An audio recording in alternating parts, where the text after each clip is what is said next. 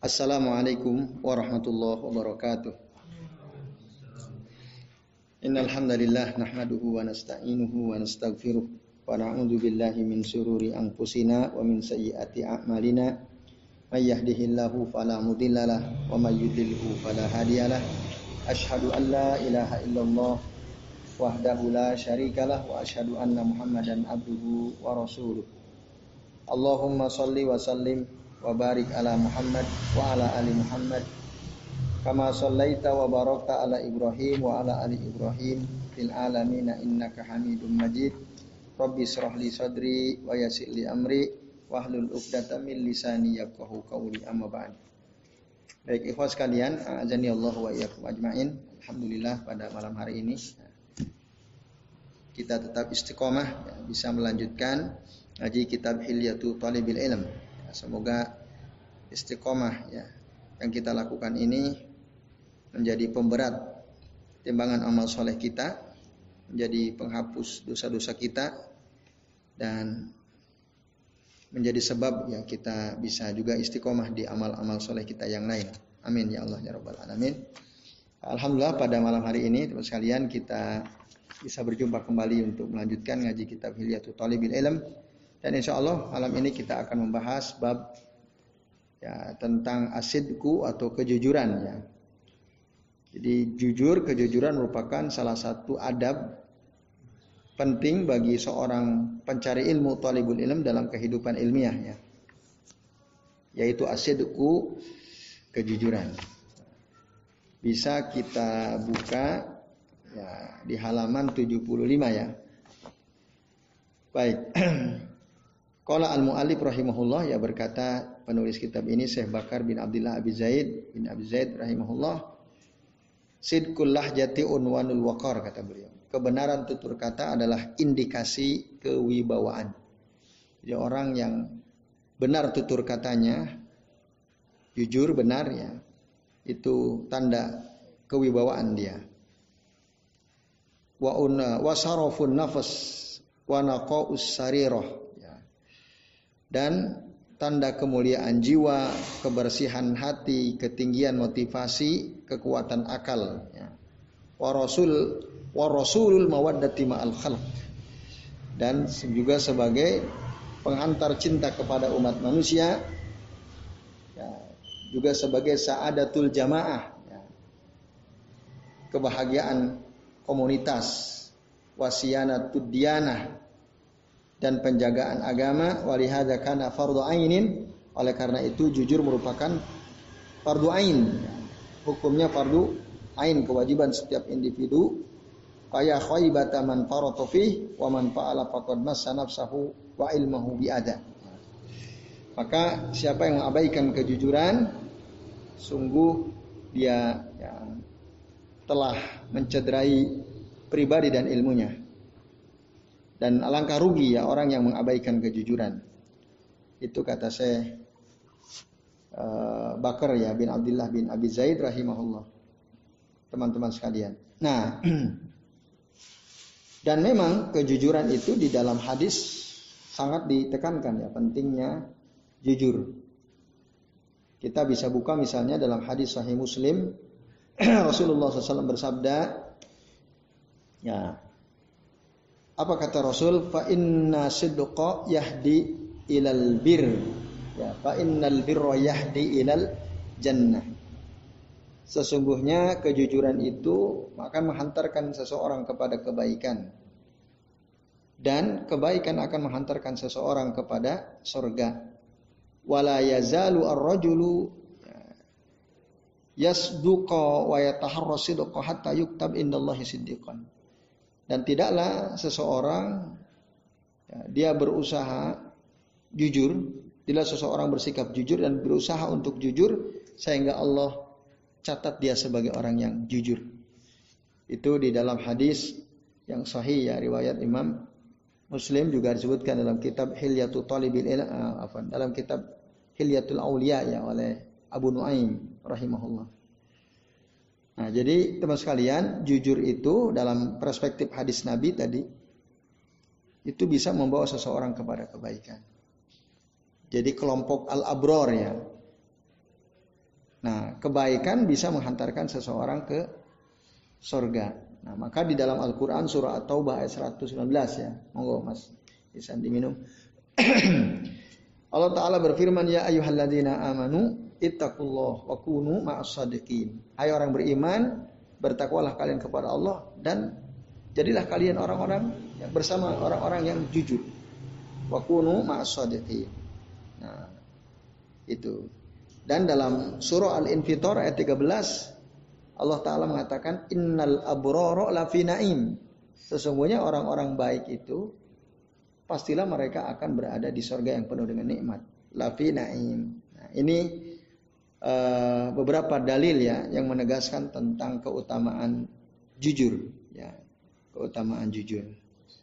Maka seorang talib al-ilm dia wajib memiliki kejujuran. Bahkan ini sifatnya fardu ain tadi. Kemudian ikhwas kalian, di sini dikutip oleh Syekh Bakar perkataan Imam Al-Auza'i. Imam Al-Auza'i nah, nah, beliau mengatakan ta'allamis sidqa qabla an tata'allamal ilma. Pelajari oleh kalian kejujuran sebelum engkau mempelajari ilmu.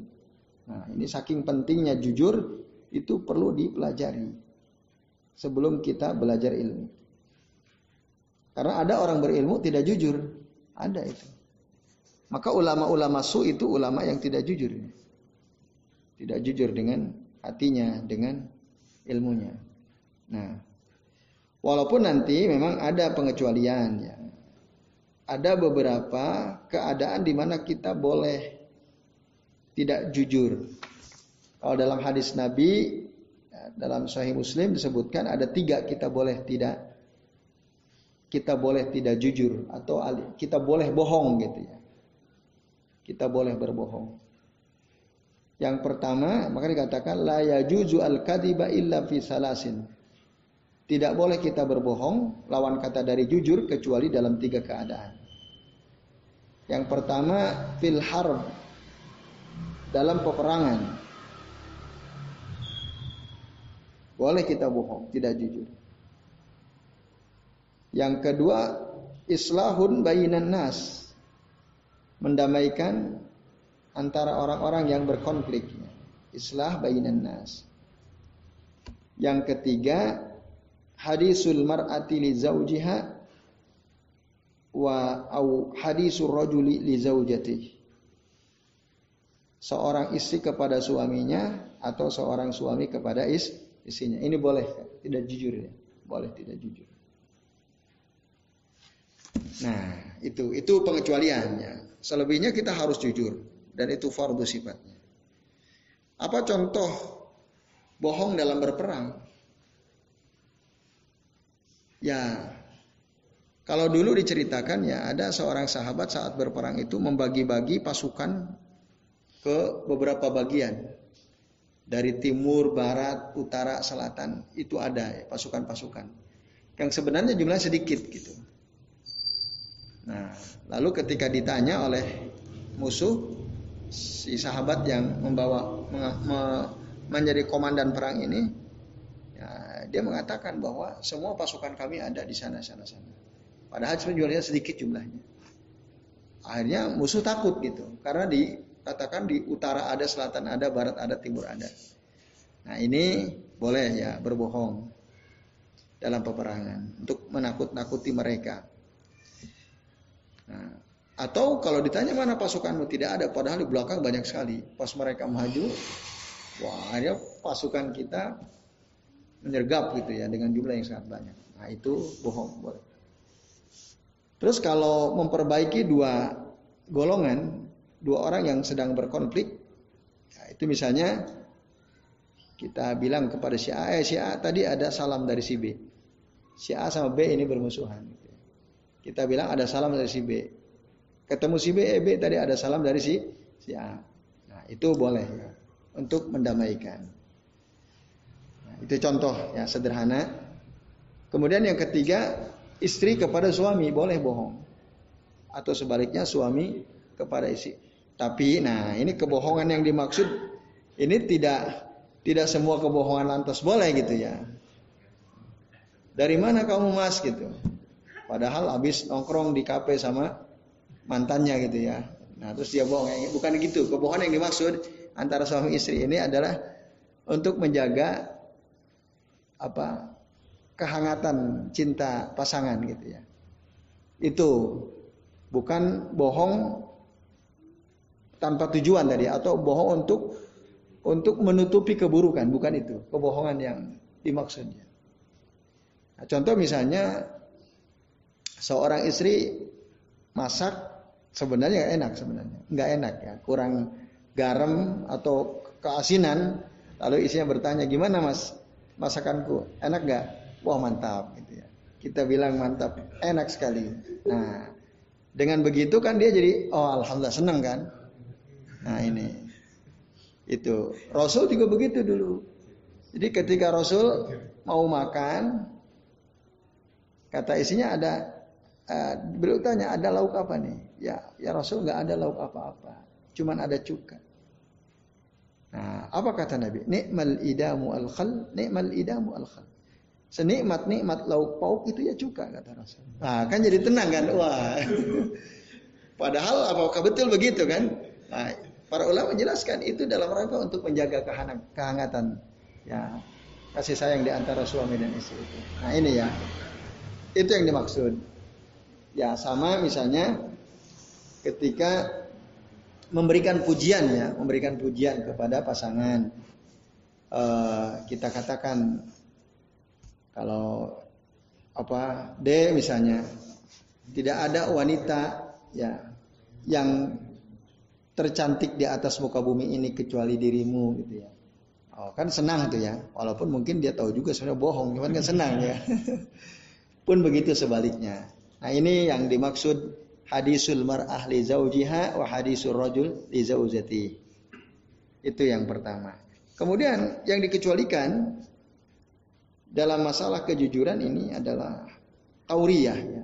Tauriyah itu udah pernah dengar kata tauriyah? Tauriyah itu adalah ungkapan yang sangat potensial disalahpahami oleh orang lain. Sangat potensial disalahpahami oleh orang lain. Nah, ini artinya uh, orang mungkin akan beda memahami dengan apa yang kita yakini. Itu tauriyah. Ah, oke okay, mungkin dengan bahasa lain ungkapan yang bermakna ganda. Bisa Ah, ambigu bisa juga. Tapi sebenarnya apa yang kita katakan benar gitu. Cuma bisa orang itu bisa salah memahami. Contoh, Nabi Ibrahim itu tiga kali. Makanya ketika di akhirat diceritakan dalam hadis ya. Ada orang-orang datang kepada Nabi Ibrahim untuk minta syafaat. Nabi Ibrahim mengatakan, aku tidak bisa memberikan syafaat karena aku pernah berbohong tiga kali. Sebenarnya bukan berbohong Nabi Ibrahim itu tauriyah.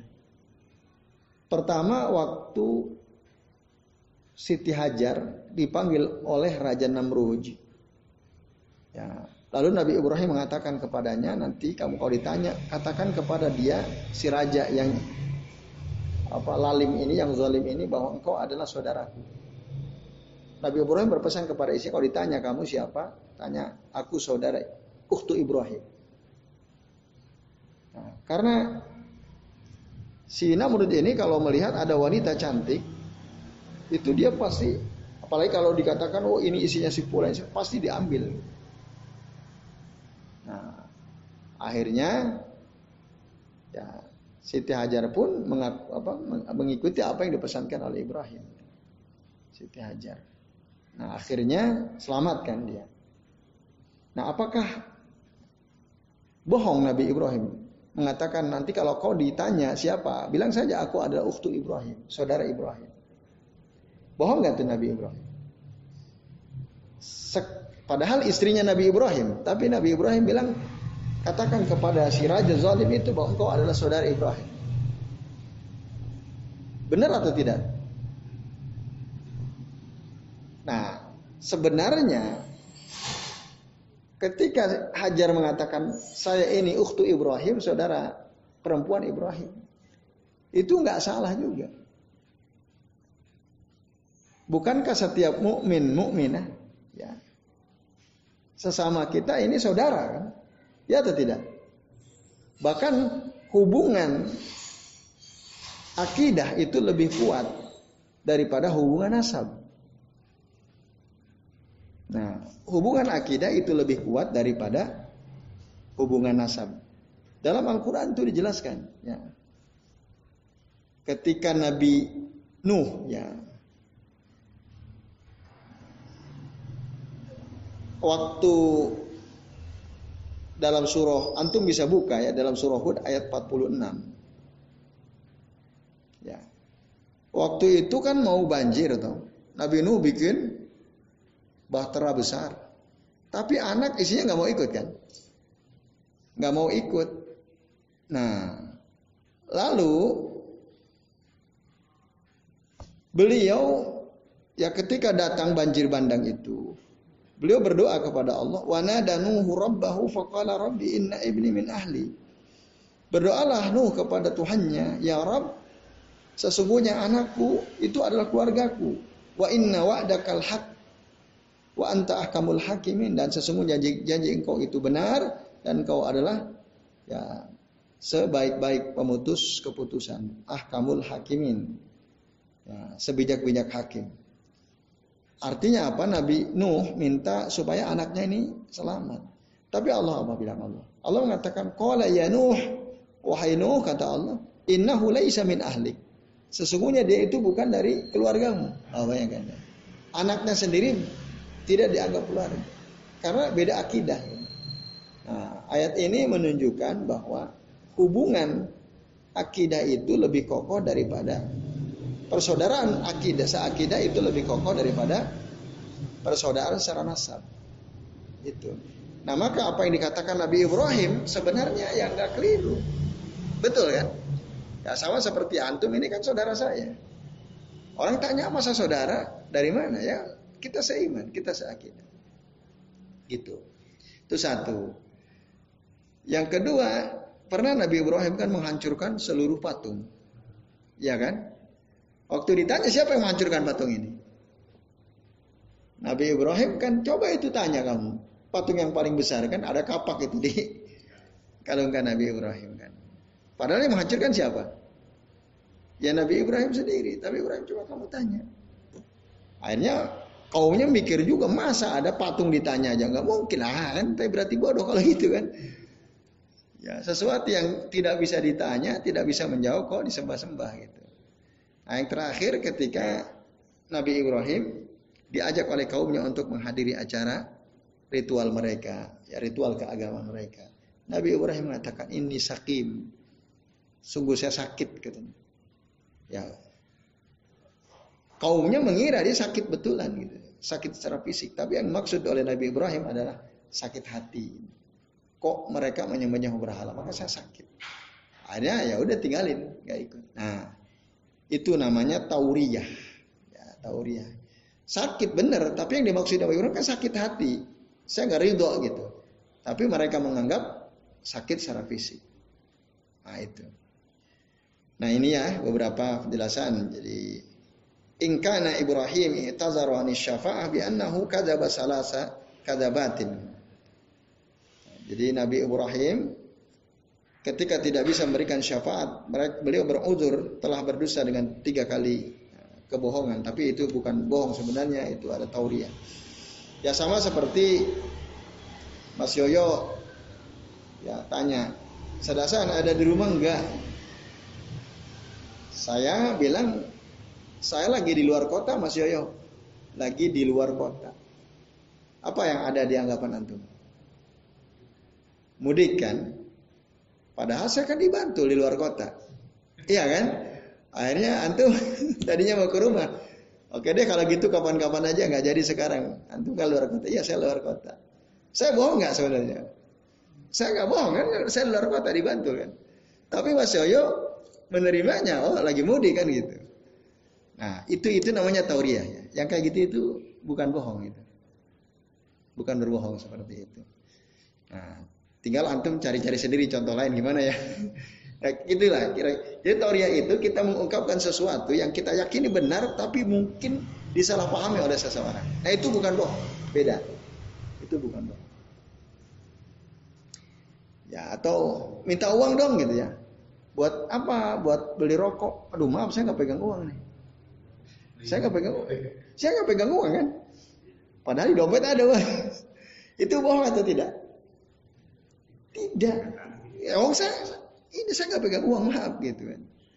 Dia kan yang dia tanya, kau punya uang nggak? Kita jawab, saya tidak pegang uang. Ya kan? Dalam pikiran dia apa kira-kira? Oh nggak bawa uang kan gitu, nggak punya duit. Padahal sudah ada. Jadi kita kita jawab benar kan? Saya tidak pegang uang. Nah, itu itu tauriah tuh kayak gitu. Itu. Nah itu tidak dianggap bohong ya. Yang seperti itu tidak dianggap ber, berbohong ya. Khas kalian, ajan ya Allah Nah, Terus tadi bahwa kita wajib mempelajari bagaimana bisa jujur sebelum kita belajar tentang ilmu. Kemudian guru dari Al Imam Asy-Syafi'i yaitu Syekh Waqi Al Imam Waqi juga berkata, "Hadhihi as-sana'atu la yartafi'u fiha illa sadi illa sadiqun." Dalam profesi ini la yartafi'u fiha illa sadiqun. Tidaklah mungkin bisa memperoleh ya, kedudukan yang tinggi kecuali orang yang jujur. Maksudnya dalam ilmu itu orang tidak mungkin dia memperoleh kedudukan tinggi kecuali orang-orang yang jujur. Itu ya terus sekalian. Nah, maka ya Allah Subhanahu wa taala semoga Allah merahmatimu ya belajarnya kejujuran sebelum engkau pelajari ilmu Kejujuran artinya berbicara sesuai dengan kenyataan. Ya. Kejujuran itu ilqaul kalam ala wajhil mutabik lil waqi. Menyampaikan perkataan sesuai dengan kenyataan wal i'tiqadi ya. dan sesuai dengan keyakinan. Itulah jujur. Maka fasidqu min tariqin wahidin jujur itu ya, jalannya hanya satu sementara kebohongan padurubun wa alwanun wa masaliku audi wa audiatin yajma'uha salasatun. Sementara kebohongan itu lawan dari kejujuran memiliki banyak jalan, banyak jenis, banyak warna, banyak simpul ya. Nah, dari sekian banyak jenis kebohongan, ada tiga jenis kebohongan yang ya, bisa kita simpulkan lawan kata dari kejujuran. Yang pertama disebut kadibun mutamallik, kebohongan orang yang mengambil muka penjilat lah dalam bahasa kita. Kebohongan penjilat. Yang kedua, kajibul munafik, kebohongan orang munafik. Beda tuh. Nanti bohongnya beda. Orang munafik sama penjilat itu lain. Yang ketiga, wakadibul gobi. Kadibul gobi itu adalah kebohongan orang bodoh. Nah, di mana bedanya kebohongan penjilat, kebohongan munafik dengan kebodohan orang bodoh? Kebohongan orang bodoh. Kebohongan penjilat adalah ma yukhaliful waqi'al wal i'tiqad. Kebohongan yang menyelisihi kenyataan dan apa yang diyakininya. Nah, itu ya. Jadi kadzibul mutamallik, kebohongan penjilat itu dia ya apa yang dia ucapkan itu menyelisihi kenyataan dan menyelisihi keyakinan dia sendiri. Itu kadzibun mutamallik. Contohnya ya dikatakan kaman yatamallaq liman ya'rifuhu fasiqan au mubtadi'an fayasifuhu bil istiqamati. Seperti orang yang menjilat, mengambil muka di depan orang yang sebenarnya dia ketahui ini orang fasik, ini ahlul bid'ah. Tapi dia bilang ahlul istiqomah. Itu. Itu kebohongan mutamalik, kadibul mutamalik, penjilat. Misalnya ada yang ini biasanya dilakukan oleh orang-orang kepada pemimpin, kepada orang-orang yang punya pengaruh, kepada orang-orang yang punya kekuasaan atau kekayaan. Nah, biasanya ya.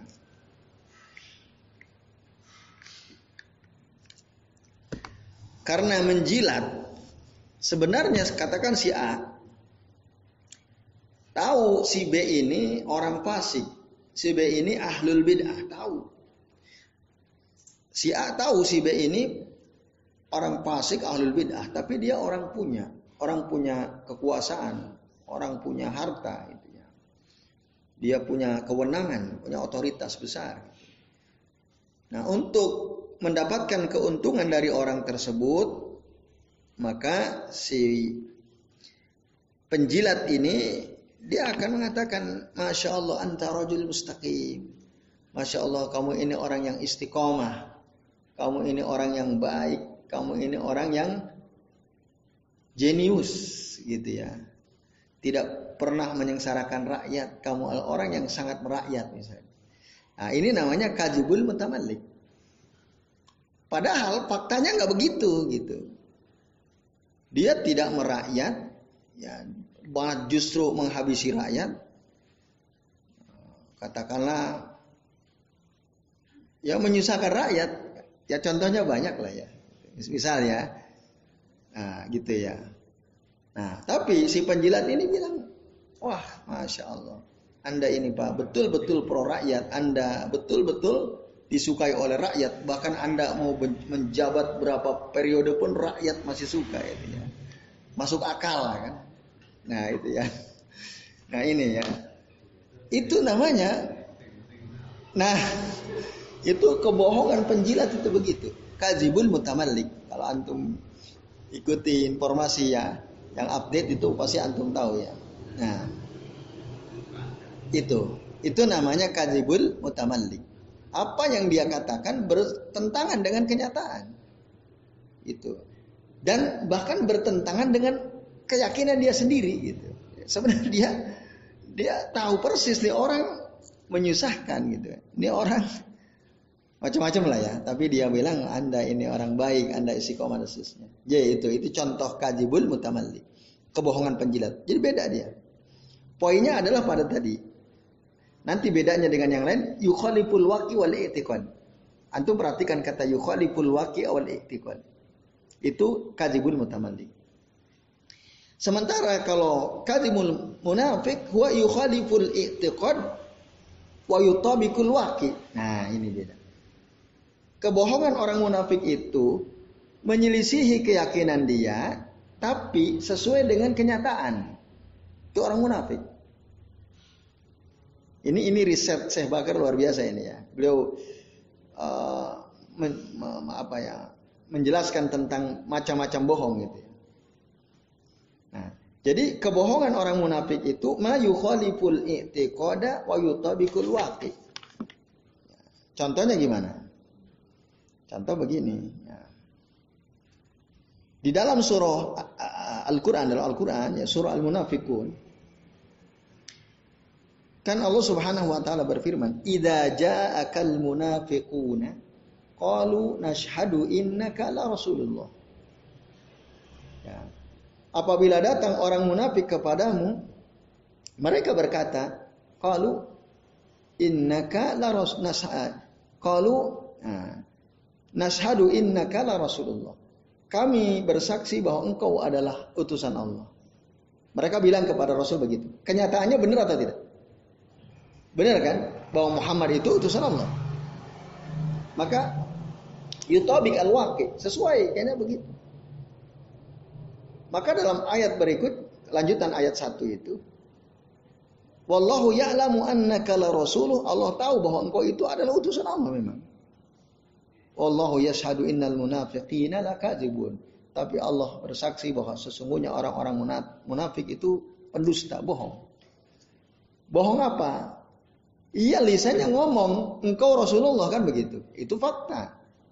Tapi apakah hatinya menerima Muhammad jadi Rasul utusan Allah? Kan enggak. Nah itu. Jadi yukhaliful i'tiqad wa yutabikul waqi. Apa yang dikatakan? Faktanya begitu. Rasul utusan Allah. Muhammad utusan Allah. Tapi itu bertentangan dengan apa yang mereka yakini sendiri. Makanya mereka nggak mau kan ngikutin Rasul Sallallahu Alaihi Wasallam. Nah itu itu namanya kalau ada orang berbicara, bicaranya itu sesuai fakta, tapi dalam hatinya, dalam keyakinannya dia mengingkari itu namanya kebohongan orang munafik. Nah, ini uh, ikhlas kalian, azani Allahu wa iyyakum ya. Itu. Dan yang terakhir adalah kadzibul gobi, kebohongan orang bodoh. Kebohongan orang bodoh itu berkebalikan dengan kebohongan orang munafik. Istilahnya tadi ya, kadibut tamalluk, kadibu al munafik, kadibul gobi. Ini istilah penting sebenarnya. Nah, kebohongan orang bodoh itu takrifnya definisinya adalah ma yukhaliful waqi'a wa yutabikul i'tiqada. Kalau munafik kan tadi ma yukhaliful i'tiqad wa yutabikul waqi. Dibalik gitu. Kalau kebohongan orang munafik ma yukhaliful i'tiqad. Ya kan? Yang menyelisih keyakinannya wa yutabikul waqi sesuai faktanya. Tapi kebohongan al-ghabi al, al itu ma yutabiku al-i'tiqad ya wa yukhalifu al-waqi atau ma yukhalifu al-waqi wa yutabiku al-i'tiqad. Contoh gimana? Ya. Jadi kebohongan orang bodoh itu adalah yang berbeda dengan fakta tapi kenyataannya begitu. Eh keyakinannya memang sesuai keyakinan. Misal di sini kasih contoh, ya. ada sufi, ya sufi ahlul bid'ah, ya ahlul kalam misalnya. Menurut orang bodoh, ya, menurut orang bodoh, seorang sufi ahlul bid'ah itu adalah orang soleh karena kebodohan dia. Wah, puasa tiap hari, puasa terus. Orang paling banter puasa Daud ini enggak, puasa tiap hari bertahun-tahun. Ini orang soleh, orang bodoh kan bilang orang soleh, ya kan? Puasa tiap hari. Padahal Rasul nggak pernah nyontohin kan? Itu. Nah, terus sholat macam-macam dilakukan gitu sholat. Tidak ada dasarnya pun dia lakukan gitu ya. Itu katanya ada sholat awabin antara maghrib sampai isya gitu ya. Oh sholat, sholat orang-orang bertaubat gitu, sholat awabin. Nah, padahal itu nggak dicontohkan gitu, ya, oleh Rasulullah SAW.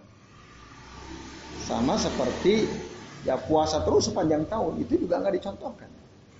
Rasul mengajarkan Abdullah bin Amr bin Al-As kalau kau masih kuat puasa lebih dari tiga hari ya dalam sebulan ya silakan tapi la tajid ala zalik jangan kau tambah lagi ya tasumu yauman wa tuftiru yauman. Kamu puasa satu hari buka satu hari.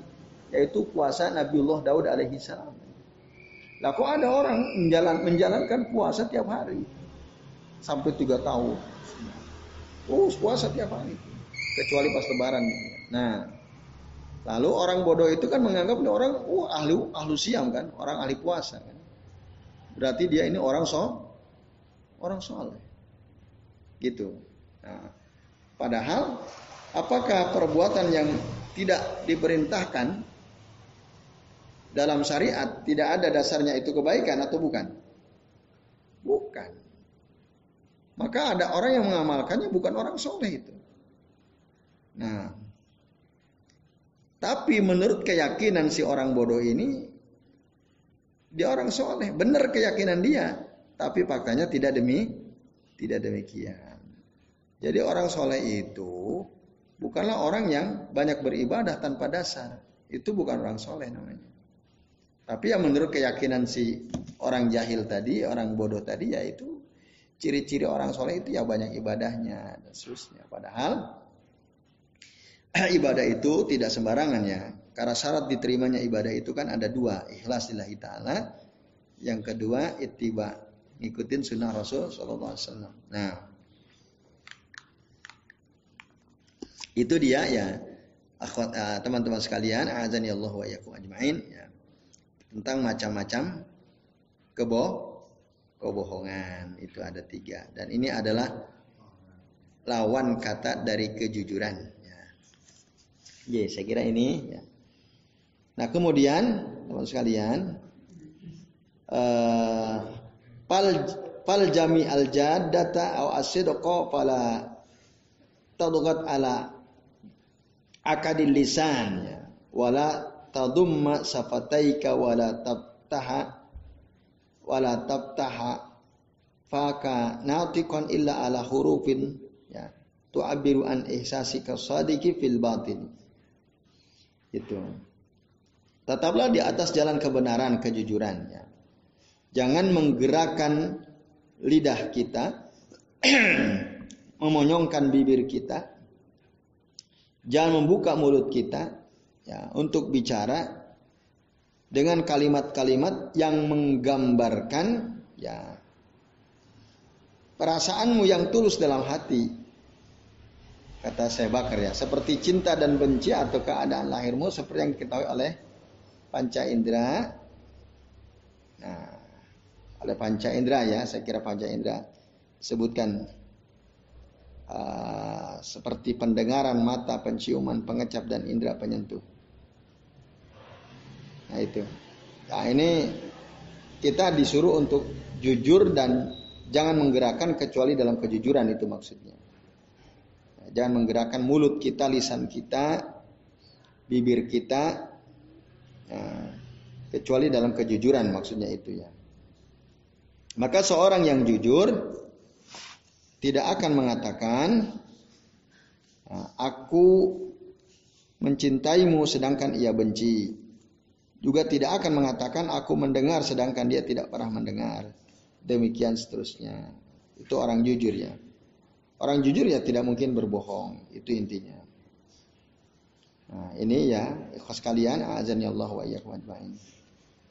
Oleh karenanya mengatakan waspadalah jangan sampai dirimu dikepung oleh banyak prasangka yang menyebabkanmu ya, berdusta tanpa sadar meski telah bertekad berbicara jujur sehingga engkau dicatat sebagai para pendusta. Nah, itu dicatat patusajjalu fi qaimatil kadzabin. Itu fatoriqud domanah lihada. Cara untuk menjamin hal ini adalah jika dirimu menorong mendorongmu untuk bicara tidak jujur, maka paksalah dia mengingat kedudukan dan kemuliaan sifat jujur antakhara bi dzikri manzilati sidqi wa syarafih wa razilatil kadhibi wa darakih. Dan nah, dipaksa dia untuk uh, mengingat rendahnya kebohongan ya. Razilatil kadhib wa darakihi. Nah, wa darakihi dan kehinaan sifat bohong. Itu itu cara untuk mencegah supaya kita tidak bohong. Itu ya. Teman-teman sekalian, azan ya Allah wa iyyakum ajmain.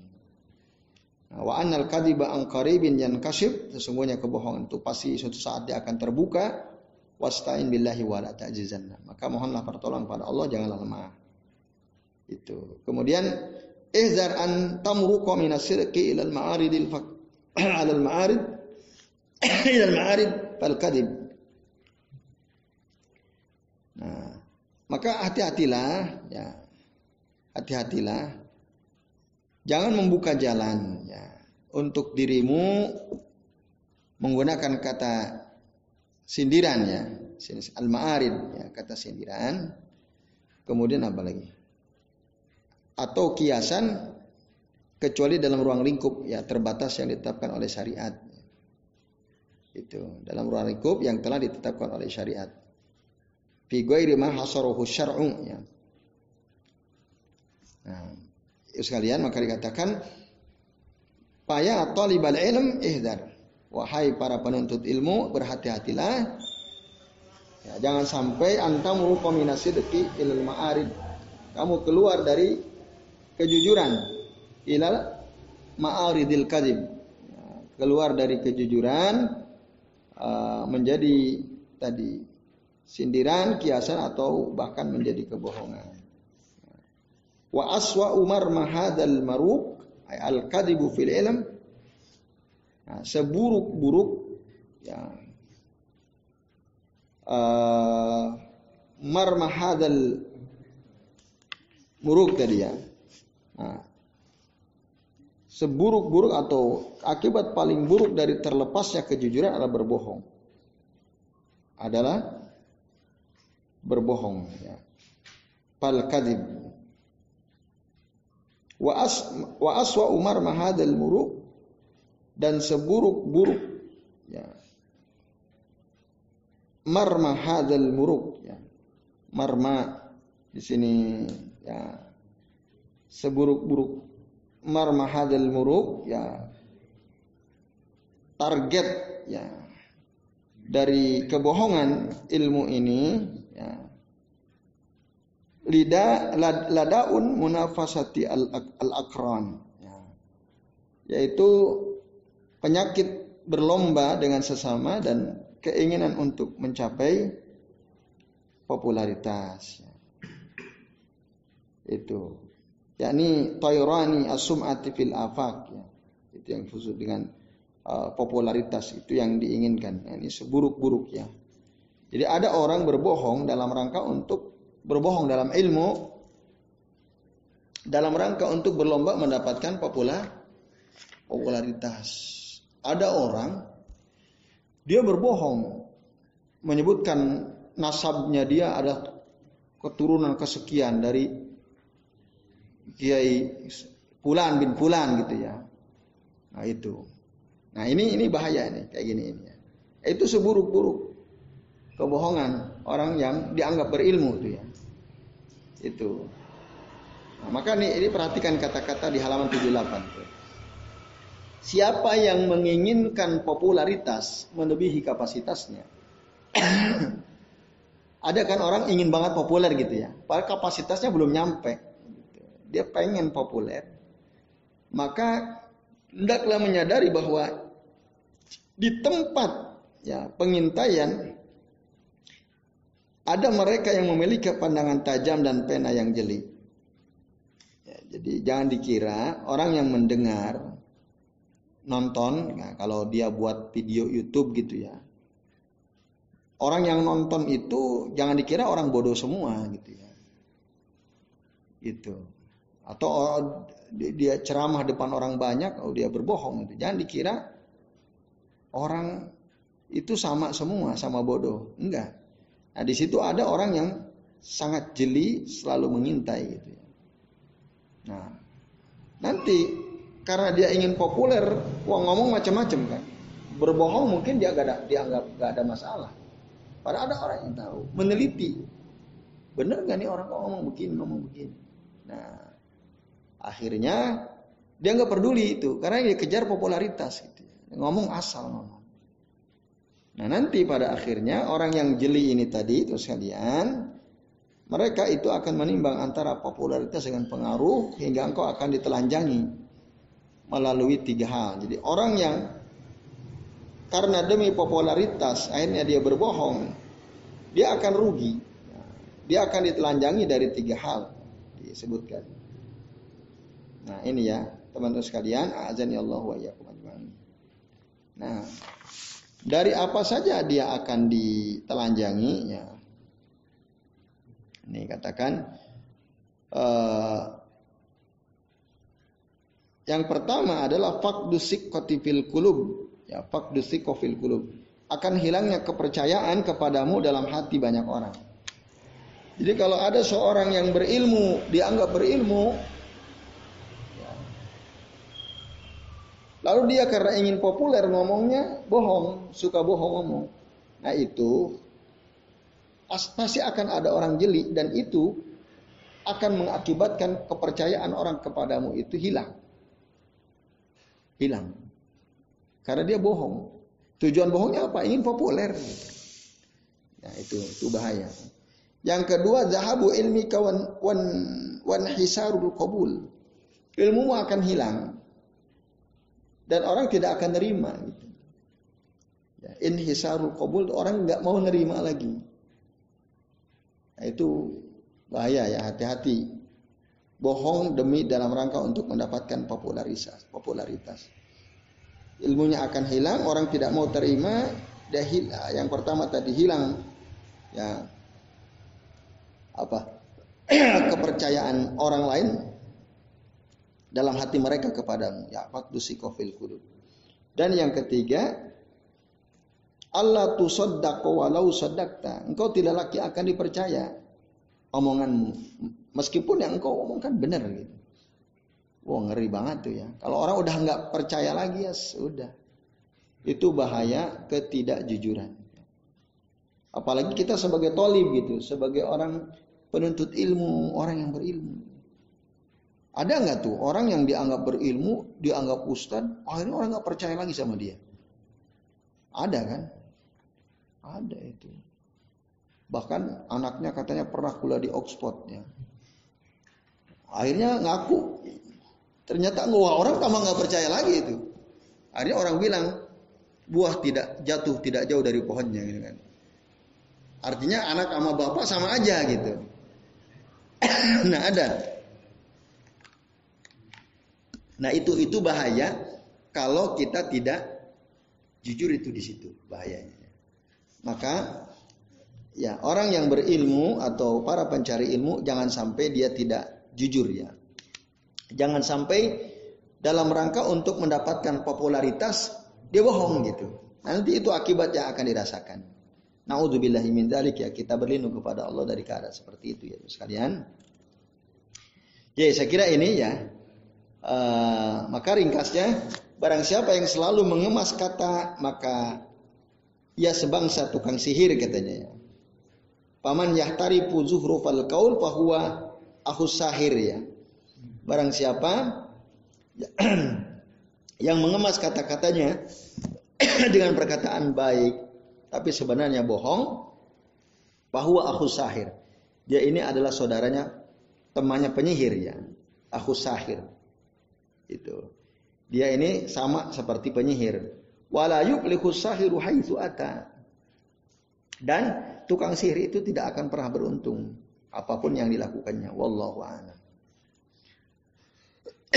Maka tadi hati-hati jangan sampai berbohong. Nah, lalu di sini ada penjelasan kejujuran itu dalam mencari ilmu harus dimulai dengan niat ya. Niat mencari ilmu itu harus jujur.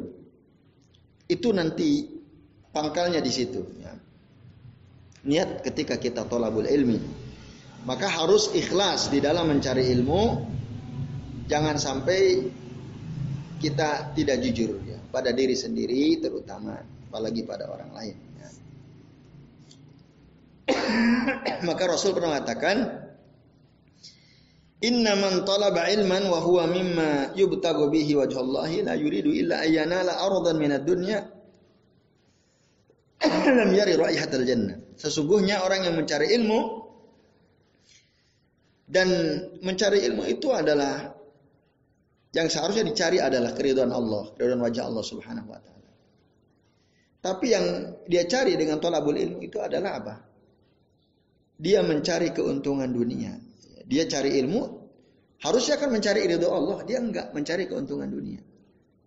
Nah, maka orang yang begini kata Rasul lam, lam yarih raihatal jannah. Dia tidak akan mencium wanginya surga. Wa anna man talaba al-ilma liyumari bihi sufaha aw liyujari bihi ulama falyatabawwa maq'adahu minan nar. Dan siapa saja yang mencari ilmu dalam rangka untuk ya liyumari bihi sufaha untuk apa ya sombong di depan orang-orang awam gitu ya. Sufaha itu orang-orang tak berilmu. Diumari bihi sufaha. Dia mau berbangga-bangga diri ya menyombongkan diri di orang-orang awam. Au liujari bihi al ulama atau untuk ya mendebat para ulama gitu ya. Menjatuhkan ulama. Dia tujuan mencari ilmunya itu ya maka falyatabawwa maq'adahu minan nar. Hendaklah dia bersiap-siap tempatnya di di neraka. Itu. Kalau tujuan dia mencari ilmu tidak jujur, tidak ikhlas karena Allah taala. Nah, oleh karenanya penting sekali kejujuran ini diawali dari niat kita saat kita mencari ilmu ya. Niat yang jujur, yang ikhlas yaitu lillahi taala bukan untuk mendebat ulama, bukan untuk ya bersombong-sombong di hadapan orang awam gitu ya. Atau juga dalam hadis yang lain liyusarrifa wujuhan nasi ilaih supaya memalingkan wajah-wajah orang kepadanya. Supaya orang tertarik pada dia gitu tujuannya. Nah, ini tujuan yang tidak jujur dalam mencari ilmu yang seperti itu. Karena dunia yang dia harapkan. Nah, ini. Ya, saya kira ini ya. sekalian yang perlu diwaspadai ya jangan sampai dalam mencari ilmu ini kita bersikap tidak jujur ya. Baik, saya kira ini ya bab yang ke-33 terakhir. Nah, ini kecil sedikit ya. Hanya dua paragraf. Junnatu talibil ilm ya. Perisai penuntut ilmu. Nah, junnatul alimi la adri katanya. Perisai penuntut ilmu itu adalah kata atau kalimat aku tidak tahu. Itu junnatu al-alim. Atau junnatu talibil ilm. Nah, itu bisa jadi perisai itu. Nah, wayahtiku hijabahul istinkafu minha. Sementara yang menghancurkan perisai ini yang akan merobek tabir ya, ini adalah apa? Kesombongan dengan apa? Untuk mengatakan atau mengucapkan yuqalu alaihi katanya begini dan begitu. Konon katanya seperti ini dan seperti itu. Jadi, ikhwas sekalian ya, kalau ada orang tanya, kita ini kan tolib al ilm ya, penuntut ilmu atau katakanlah ada di antara kita yang dibilang orang berilmu. Ketika ada pertanyaan dilontarkan, Sementara dia belum tahu ya jawabannya apa, ya udah katakan saya nggak tahu, wallahu alam. Itu junnatul talibil ilm itu. Itu perisai itu yang akan tetap menjaga kewibawaan dirinya. Nah, sementara yang bisa menghancurkan wibawa orang yang berilmu atau talibul ilm adalah dia mengatakan ah, jarene ah, Konon ada orang begini bilang begini, katanya ada ada yang mengatakan begini begini. Nah ini ya itu bisa merobek, ya, merobek apa kewibawaan seorang yang seorang penuntut ilmu. Jadi kalau kita emang tidak tahu, katakanlah kita tidak tidak tahu gitu. Nah ini ya dan itu dan itu merupakan nisful ilm, setengah dari ilmu. Makanya Imam Malik dulu pernah didatangi oleh seseorang ditanya 40 persoalan. Beliau hanya bisa menjawab beberapa saja. Tidak sampai 10. Selebihnya beliau kalau begini bagaimana menurut Imam Malik? La adri.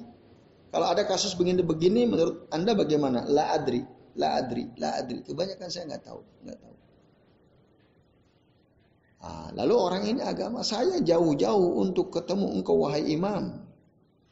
Saya membawa banyak persoalan dari masyarakat wahai imam. Tapi jawabanmu kebanyakan nggak tahu, nggak tahu, nggak tahu. Gimana nanti? Ya udah kamu pulang saja.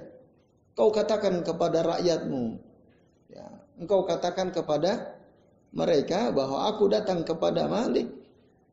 Aku ajukan banyak pertanyaan dan Malik Kebanyakan mengatakan la adri la adri. Udah sila, selesai. Kamu bilang aja begitu. Imam Malik banyak banyak jawab nggak tahu nggak tahu udah selesai. Nah itu. Jadi Imam Malik sama sekali tidak tidak merasa orang akan menghina dia gitu ya. Justru itu junnah perisai. Nah jangan kita berusaha untuk menjawab seluruhnya padahal sebenarnya kita nggak nggak tahu sama sekali. Nah ini ini maka orang yang menjawab tanpa ilmu itu maka jawaban dia itu nisful jahal setengah dari kebo kebodohan. Nah ini. Nah maka dikatakan misal gini ada sebagian orang awam di zaman sekarang ya, dia mengatakan haza halal haza haram azunnuhu haram. Ini halal ini haram. Saya kira ini haram. Nah, yuqalu lihada ayudan dikatakan untuk ini juga demikian. Nah, ini Ya, namanya nisful jahal ya, nisful jahal. Nah, itu ya ikhwas kalian, maka yang begini ini tidak boleh. Ya la ya juz, la la ya juz. Nah, itu. Ya saya kira ini ya uh, penjelasan ringkas dari poin yang ke-34. Jadi janganlah kita sering-sering mengucapkan atau usahakanlah kita mengucapkan aku tidak tahu ya. Dan itu setengah ilmu sebenarnya. Kalau kita emang nggak tahu, katakan aku tidak tahu. Tapi kalau kita mengucapkan, ada yang mengatakan begini, tapi nggak jelas ya. Kecuali kalau kita memang tahu, ada Syekh Fulan mengatakan begini dalam kitab ini, itu lain kan. Tapi kalau hanya ada orang bilang begini begini tanpa jelas itu dari mana sumbernya? Nah itu nisful jahal, itu setengah dari kebo kebodohan. Nah, oleh karenanya ya jujurlah kalau kita nggak tahu katakan tidak tahu. Tadi jujur dan kata-kata la adri itu penting. Ya, la adri itu penting, saya tidak tahu. Bahkan nanti kalau kita perluas lagi, kalau tahu kita tahu jawaban dari suatu persoalan, maka selalulah ucapkan wallahu a'lam bisawab, wallahu a'lam. Atau minal wallahu a'lam, Allah yang lebih tahu tentang persoalan ini. Jadi saya hanya menjawab apa yang saya tahu dari kitab yang saya baca dan seterusnya. Selebihnya wallahu a'lam, Allah lebih tahu. Jadi saya kira ini sekalian ya poin ketiga tiga tiga empat ya tentang adab bagi seorang talib dia harus jujur dan yang kedua dia harus paham bahwa perisai penuntut ilmu itu adalah kata-kata la la adri saya tidak tahu. Atau dalam bahasa Indonesia maaf saya nggak tahu. Maaf saya nggak tahu. Dan seterusnya. Jadi saya kira ini ya sekalian apa yang kita bisa bahas pada kesempatan malam hari ini. Ya insya Allah nanti kita lanjut lagi secara pelan-pelan ya pada babak berikutnya. Sebelum kita akhiri barangkali apakah ada yang mau ditanyakan? Ya silahkan Mas Agus.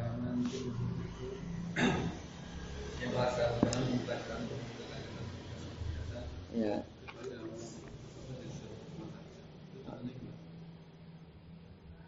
Oh itu ya. Jangan membuka jalan untuk menggunakan kata sindiran atau kiasan kecuali dalam ruang lingkup terbatas yang sudah ditetapkan oleh syariat gitu ya. Nah, ini ini kaitannya dengan masalah pentingnya kejujuran gitu ya. Nah, artinya gini, kalau kita tahu tentang satu persoalan, ucapkan secara terus terang. Kalau kita tidak tahu, pun begitu, kita ucapkan dengan terus terang. Tadi, oh, ya saya tidak tahu. Jangan jangan dengan menggunakan bahasa kiasan gitu ya. Sebenarnya kita nggak tahu, tapi kita menggunakan bahasa kiasannya itu kecuali nah tadi yang sesuai dengan batas ketentuan syariat gitu ya yang ditetapkan oleh syariat. Ada kala di mana memang kita bisa menggunakan bahasa kiasan ya.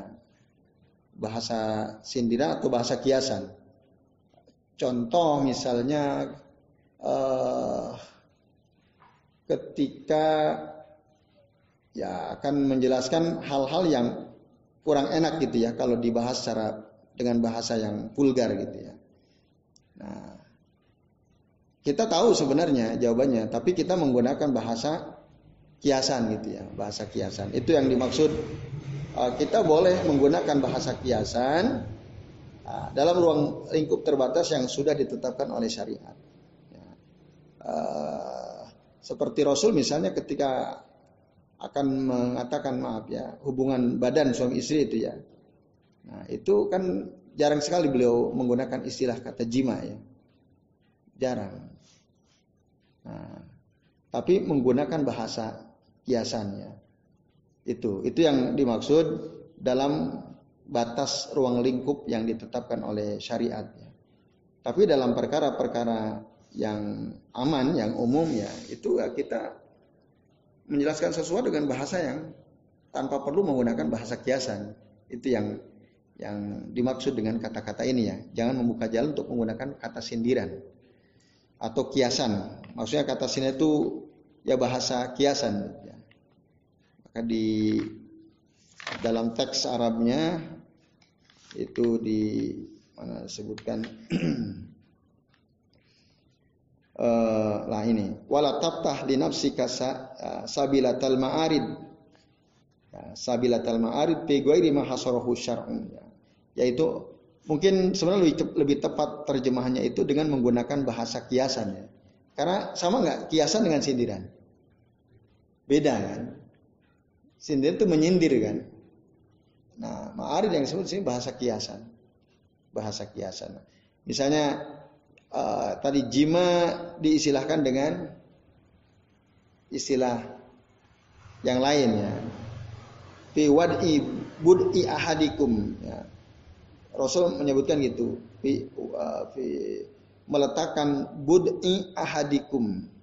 Bud'i ahadikum tuh maksudnya adalah jima sebenarnya.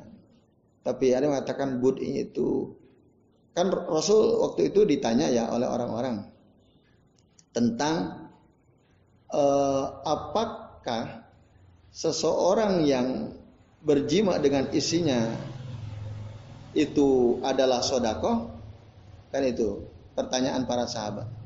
Nah Rasul mengatakan iya sodako, tapi Rasul tidak menggunakan istilah jima ya. Tapi wad'u bud'i ahadikum. Wad'u bud'i ahadikum. Nah itu. Nah itu itu bahasa kiasannya yang biasa di atau yang ada disebutkan dalam hadis. Nah, ini yang disebut terbatas dalam ruang lingkup yang telah ditetapkan oleh syara itu itu maksudnya. Nah itu. Nah, sementara di luar itu nah, kita jangan menggunakan bahasa-bahasa kiasan. Ya. Uh, tadi kalau kita memang tahu ya kita katakan tahu ya kita jawab sesuai dengan apa yang kita tahu dari ilmu yang kita ketahui. Kalau tidak, kita katakan tadilah adri itu lebih aman. Saya tidak tahu ya tentang ini. Yaitu Allah alam. Mas, apa ini? Masih ada yang lain? Mas Isna? Kan kalau kita tahu berita-berita itu ah. hmm. Eh, mereka itu membicarakan sesuatu tapi omongannya itu putar-putar. Hmm itu dalam Islam itu menghindari hal seperti itu lebih baik langsung ke sasalamat ditanya A tapi jawabannya jelimet dulu muter dulu ah. walaupun nggak terjawab hmm. jawabannya A tapi di Islam kita harus menghindari hal, hal seperti itu kita harus kalau ditanya A ya jawabnya A apa kita cari amannya untuk muter dulu ah. seperti politikus-politikus ah dalam para Islam yang baik bagaimana gitu ya. Ketika ditanya tentang satu persoalan gitu. Itu maksudnya maksudnya. Nah ini tadi kan kita bicara tentang soal pentingnya kejujuran ya. Bagi seorang tolib ya. Bagi seorang berilmu. Nah yang kita lihat para politikus ya. Misalnya menurut anda bagaimana sikap sipulan ini kan gitu ya. Walaupun sebenarnya clear ya bahwa dia itu salah gitu ya, dia itu salah. Tapi politikus biasanya nggak mau dia bilang salah gitu. Ya. Nah, dia tadi akan berputar-putar menggunakan bahasa diplomasi sehingga dia terhindar untuk dikonfrontasi gitu ya. Nah, walaupun nanti akhirnya tidak sesuai harapan gitu ya jawabannya. Itu bagaimana dalam Islam? Nah, kalau kita tahu maka katakan jujur gitu. Cuma memang ada ada etika yang perlu juga diperhatikan ya. Uh, contoh beginilah. Uh, etika misalnya gini, ada kita ditanya, ini dalam kasus konkret ya misalnya. Si Pulan ini kafir atau tidak? Karena dia mengatakan bahwa konstitusi di atas kitab suci. Ada ada orang bilang konstitusi di atas kitab suci. Menurut Anda ini orang kafir atau tidak? Kan gitu. Kita tahu kalau ada orang menyamakan Quran dengan sesuatu itu kan bisa menyebabkan kekafiran kan. Kita tahu ada dalilnya jelas sekali. Kita udah pelajari kitab uh, nawakidul Islam itu ya, nawakidul Islam. Orang yang mengatakan ada yang sama dengan Al-Qur'an, lebih baik dari Al-Qur'an, maka dia orang kafir. Tapi kita ditanya oleh seorang wartawan gitu, menurut Anda si fulan ini kafir atau tidak? Nah, itu nah di sini perlu kita menjaga etika ya. Maka kita katakan siapa saja. Nah,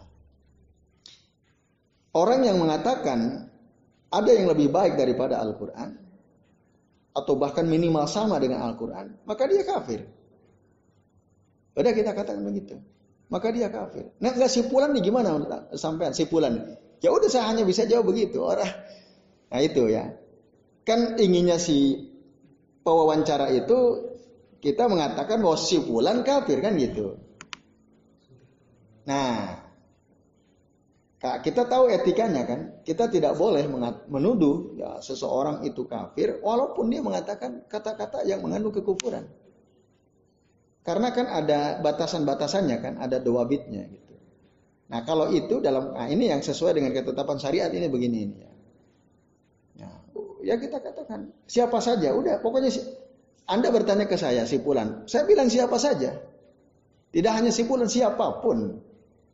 Ah, kan gitu. Jawabannya mungkin menurut si wartawan ini muter-muter kan. Tapi sebenarnya clear kan, siapa saja yang menyamakan Al-Quran dengan apa pun gitu ya. Atau ada yang menganggap ada sesuatu yang lebih baik daripada Al-Quran, maka dia kafir. Nah, sudah kita katakan. Nah, dalam konteks seperti itu, maka memang harus kita jaga etikanya kan. Supaya tidak mudah-mudah mentakfir ya. Lakukan takfir itu mengkafir-kafirkan seseorang. Ya itu, itu itu bos bisa saja gitu dalam konteks menjaga etika dan memang ada dalil syaratnya kan. Gitu. Kita enggak Rasul kan mengatakan barang siapa yang menuduh saudaranya kafir, maka kekufuran akan kembali kepada salah satu dari keduanya. Ya itu masih. Tapi kalau eh, kasus para politikus itu ya itu lain lagi ya, lain lagi. Kalau misalnya ada orang jelas-jelas korupsi gitu ya, jelas korupsi, ditanya oleh wartawan, ini menurut anda si Pulan ini korupsi atau tidak? Faktanya begini-begini ya, harusnya dia tegas ya korupsi dong. Kalau begitu dia korupsi berarti. Gitu. Gak usah muter-muter ke mana-mana dulu. Wong faktanya jelas gitu ya. Hasil investigasinya jelas, maka dia berarti korupsi dan seterusnya. Yaitu wallahu alam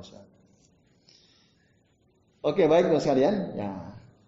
Sementara ini dulu ya yang kita bisa bahas pada kesempatan malam hari ini. Semoga bermanfaat. Uh, sebelum kami akhiri dan waktu saya kembalikan uh, ke Mas Yoyo ya saya akhiri sallallahu Muhammadin. Wassalamualaikum warahmatullahi wabarakatuh.